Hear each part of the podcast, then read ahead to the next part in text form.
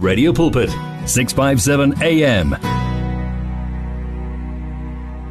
Thank you Rina Stoops or Stops I'm not sure if I'm pronouncing it correctly. Uh uthi lana ushare nathi the scripture. Thank you so much for sharing um uh, that scripture with us. Romans 12 verse 21 um sithi do not be overcome by evil but overcome evil with good. Wow that's powerful. And uh, uphinde futhi wasinikeza la uh, i-quote uh, ephuma ku Mark is spend time basking in this holy light for my face is shining upon you. Thank you so much Rina Rina steps. Um yeah. Powerful scripture. Romans 12 verse 21 asiye lapha ke manje ku CD Munkwe ukhona ke ukuzo motivator. Awusithidi dumela. Hi awusibahle okay? Ke teng wena okay? Ah ke teng ka moha wa modimo ke. Thank you so much gore o re join le mo letsatsing la ka Jake hey yazi ungathi ingapheli nje i women's month. Yeah, yazi not. Uyazi the way ngizwa Yeah. Nami ngiyacounta ngithi this is my second last Sunday nginani sizami kabuhlungu. Uyazi the way ngizwa obumnandi ngakhona ngathi nje kungahlala kuyi women's month each and every month. But unfortunately ngeke kwenzeke lokho. Ngeke kwenzeke kodwa nongisabe ngisasekhona ngimthanda nana inkinga yekho ngisho. Amen amen amen amen. Hmm. ngibuyile sizasiyakhuleka ngingqoqo yethu ye forgiveness yeah mhm before ngiyaphambili angisho charity begins at home. Amen. Ithi check nawe ke ukuthi did you forgive yourself? I did. I did. A long time ago sisithili but ngiyabonga ukuthi uphinde futhi usikhumbuze because angithi zikhona ezinye izinto ezenzakalayo ezimpilweni zethu. And uthola ukuthi siyayisola uthola ukuthi you know iya siyayicondemn senza konke lokho kodwa ngizokhumbula ukuthi each and every day lapho before ngilala khona ngikhumbula ukuthi bekwenzakalani namhlanje empilweni yami? Uyabona? And then ngiphinde futhi ngixolele Yes, because yeah. forgiveness it's not a once off thing. Intentionally understand. Mm-hmm. It's a process. It's an ongoing process because kuyadingeka masiphila ukuthi njalo si self reflect. yabo ngoba solanke sinike siphila nabantu siyahlukumezeka so ku important ukuthi uhlale u reflect ukhona ukwazi ukuthi uforgive uforgive nalabo abakwenza kabi yeah. and always remembering ukuthi if forgiveness it's not about the other person it's about you ma ma uforgive uzirelease wena urelease isoul yakho from the prison angisho and and ngicela sindlule la if forgiveness asi understanding kunomehluko between forgiveness and tolerance yabo manje ma uku relationship utolerate ukuba i-punching bag yomuntu whether emotionally or physically. Then makabuya aqolisa umqolelo uhlale for years and years. That is not forgiveness. That is settling for mediocrity. That is lack of self love mawuhleli la kungekho mnandi khona then umuntu oloko azisa ubuhlungu aqindezela akuhlukumeza mawuloku ubuyela kuye akusi forgiveness. You are settling and uNkulunkulu akafuni sisettling uNkulunkulu ufuna siphile kamnandi sibe nokuthula. Uyabona bahle so into futhi ethi fanele si understand ukuthi if forgiveness doesn't mean there should be reconciliation. Umuntu makakubonisile ukuthi uyinhlobo yini yepende makabuya empilweni yakho afuna ukubuya just because umforgivile doesn't mean ukuthi kufanele ubuyelene naye whether that is your ex-husband umngani or a family member. Umthande from a distance. Mforgive kodwa ungamfundezi phambi kwakho. Lana phela angisakhulumi ngerelationship yomuntu nomama wakhe no it's something different. Angithi mawunenkinga nomama wakho ungamgculeli ngoba uyakuzala lo muntu. Ngikhuluma ngabantu abangazali. Abantu ekuthi they don't have to be in your life. Umuntu onjalo okukhethile ukuzisa ubuhlungu makuthi usomblockile kuma social media miyeke lapho ungamaniblock because unforgiving kahle kahle there's no need eh bahle yokuthi ubuyele kuye uthi i have forgiven you. Mforgive umthande from a distance. Yebo. So when you have read incwadi yami. You know ukuthi what is it that i have to forgive? Ayisho and and ukuze ungibize la ungibize because you know ukuthi i have forgiven. Yeah. If bengingaforgivanga bengeke ngize ngi-attract wena. I-marketing eyencwadi yami i-prison love ingabe i-negative. And akekho umuntu obekasefuna uku-associate i-brand yakhe nami. I-radio pulpit bengeke ngifune uku-associate ne-TV Monko because i-marketing yakhe ine ine anger ine resentment ine inenzondo but because i-marketing yami iyabonisa ukuthi ayomuntu odlule eyintweni waforgive manje ufuna abanye abantu baphole bafunde from ama experience wakhe. Akabhalanga incwadi because uspider abantu abamzisa kodwa ubhale incwadi ukuthi abezemuva kwakhe baphole bafunde. That is why even my book mina the first nine chapters zikhuluma izinto ezimnandi nge relationship yami with my ex fiancé I mean bashe istory sami is my book I'm the author I could have summarized the good things in one chapter. I could have done that. Yebo but ngabhala 9 chapters ezimnandi ngagcina ngokubi. You understand? Wow, but if wow. bengibhalele ngathi ngingafocusanga I was just going to summarize the nice things then the rest of the book ibe based on izinto ezinto azenzile but because ngiyakhumbula ukuthi he gave me the best 4 years of my life. So fanele nje ngibhale lokho because ngiyinkolele yabo and omunye umuntu ongakafundi incwadi uthi but Timothy asazi ukuthi yini lokho what is it that you have to forgive?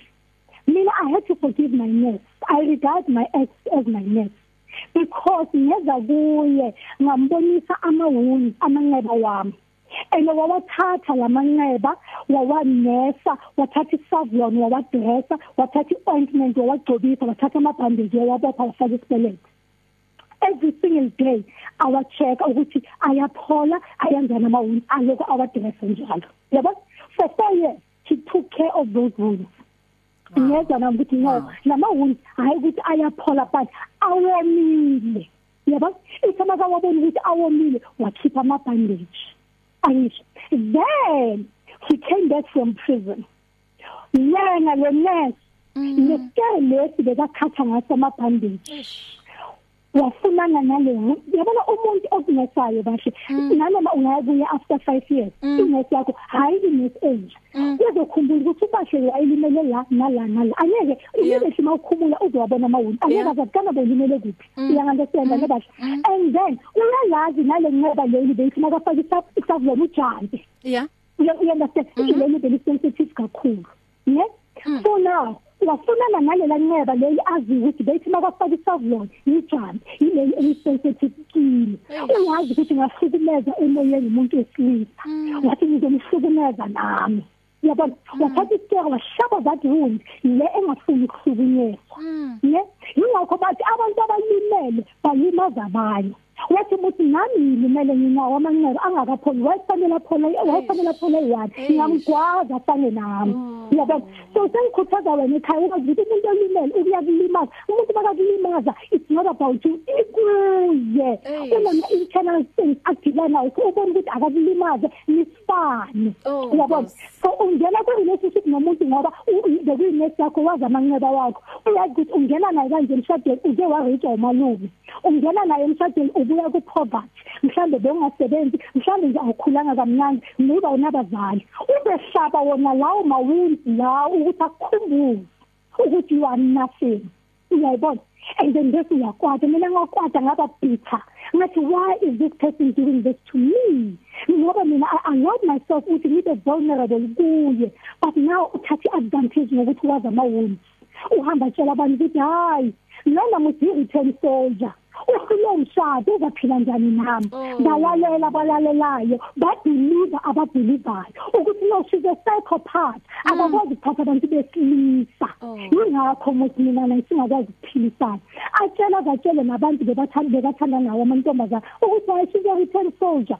The only reason nje mina ngihlelina is because she was there for me when nobody else was. You understand? So uyigwaba khona la azi khona ukuthi ni sensitive khona. Bashe I was bitter yabona the reason I'm sharing this with you ukuthi abalaleli abalaleli ekhaya ba understand ukuthi forgiveness is not a smooth process. It's a very painful process. Awuveli uvuke uthi hayi umzisifike ngiyamforgive you have to go through ama emotions and uz allow ukuthi mm. go through those emotions because iphatha lendlela oyihambayo uzifuze forgive. Uyabona? Ngamzonda ngamresenta not ngamresenta ngabe ne-anger. Yazi ngamrizanga in a way ukuthi sometimes bethi mangihleli ngani ngithi lento bengiza igama ngithi lento bengasambizi ibhumbu la. Bengasambizi baba ka OB ngithi lento ayihambi ibuyele ejele. Lento ayibuyele kule dustbin engithole kuyo. Ngithi lento le ngathi bangayidubula ife. I'm sorry for ukuyuza amagama anje kuwe ke futhi ngifuna ukubonisa umlalelo mawubitha this is these are the yeah. things ama faults yeah. Ophila ngawo yabona mm. then i realized ukuthi no i am becoming a danger to myself yeah. yabona because i am resenting this person yena uyaphila kamnandi ukhohlile ngothiki but uthiki yena is holding on mm. to the pain mm. to the anger to the hatred i was a dead woman working mm. but i am glad that i allowed myself to die Amen. because for rebirth to happen there must be death Amen. Yabona Amen. So God came for me. Because isema kangigwaza lama wound lawa ya wawapha nabantu bebangazi ukuthi mina am wounded. People who didn't know ukuthi I was a divorcee knew ngenxa yakhe yabona abantu bebangawazi amawundi wami asemshadweni wawa expose igazi beliphuma kumawundi abantu babona ngegazi noma sesithini yablinda babuzana nalaba bebathi bekasitshela ukuthi yena ungcono thina sihleleni ishadweni yena bekasitshela ukuthi uzoshiya umyeni wakhe ashade futhi athole happiness bekathubani. Yena bekasitshela ukuthi uzolinda ibhankiti limthande libe nesizwe bekathubani. Amanye abantu bafoma ama society ngam izitha abantu bekuyizitha abangathandani bathandana ngenxa ye pain yami igazi libonakala. Uthatha yazi njengoba ubleed uthatha ithishu uthi yasula legazi abantu bangaliboni. Kodwa yasula uthole le thishu seyinamathela kule wound kube imess kuphuma igazi kuphuma ibovu ubovu kuphuma amanzi kuhlangene. Then God came for me. uNkulunkulu wathi not under my watch. Wathi uNkulunkulu uthini mina I heard conversations that you didn't hear. Ngiyabonile ngalama meetings wachitha wathi naye lo ahamba aspread izinto ezingekho right ngayo ngizombonisa ukuthi mina ngezela mlanda yebo bathi wenza ne-role ye-cotton wool uNkulunkulu. Wathi yabona manje ngiza ne-role ye-cotton wool angiqali lapha kumanqoba lawa ya. Ngiqala ngala ngale gazi leli abayibhekile abahleka ngayo ukuthi yo ningambona hamba ngamashini uyableeda athi sisule legazi sisihle sisihlela nalaba bese bababizile bathi zani nizobona ithini yablinda wathi sifihle legazi silisuke ikhothini lezulu ya-absorb igazi wathi before siya kulamanqoba sifuna igazi ukuthi nalaba bebabizene bazolwa bacabane athi musi wena isawuthini musi uyabhida lithi igazi angiliboni hayi wena ithanda manga mhlawumbe mandekadla ama-chips wangcolisa itomato sauce uyathatha inhlangano waphela ama society inkosi le bephuza ngayo baphuza bayiphuza ngegama lami yabanda. Baphela ubuhlobo baphela because bebahlangane ngami. Naloya bekahamba akhuluma ngami. uNkulunkulu wathi uNkulunkulu encwadini kaJobe uthi I will restore everything that is lost amen. uNkulunkulu wa restore i-dignity yami. uNkulunkulu wa restore i-relationship yami naye. Ithema bathi bayeza bafunana nokubona uthili one pain babona igqoko so that is the power oh. of forgiveness. Forgive nanoma ukuthi umuntu kwenzeni Yes. Ungabali and forgive in advance. Amen. Because umuntu uyamxolela ukuthi umyeni wakho ukuzisa ubuhlungu bese uhlukana naye. Uyakwazi ukuthi as a father to your child usazokuzisa ubuhlungu mhlambi. Maybe angeke abe ne-relationship nomntwana, maybe you won't provide, but you forgive in advance so that nakwenzeka lokho wena you are at peace. Yeah. Mhm. You understand? Mm -hmm. You get forgiven. So, icola umxolela umuntu umnika uNkulunkulu uNkulunkulu uye iprofessor because thina siyenza abantu amanesi sine professor sine maker yethu sinomdali uNkulunkulu uye iprofessor yethu asidingi appointment ukuya kuye asidingi consultation fee. Udinga thina. He says i'm the lord of the broken hearted and i bandage their wounds.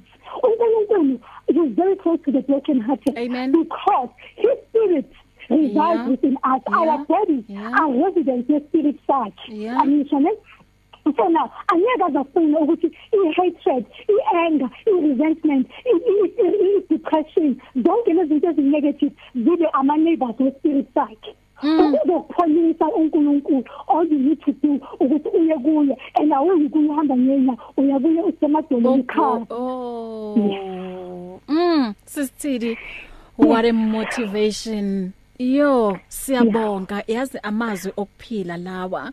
And ngithanda la usho khona uthi don't settle for less.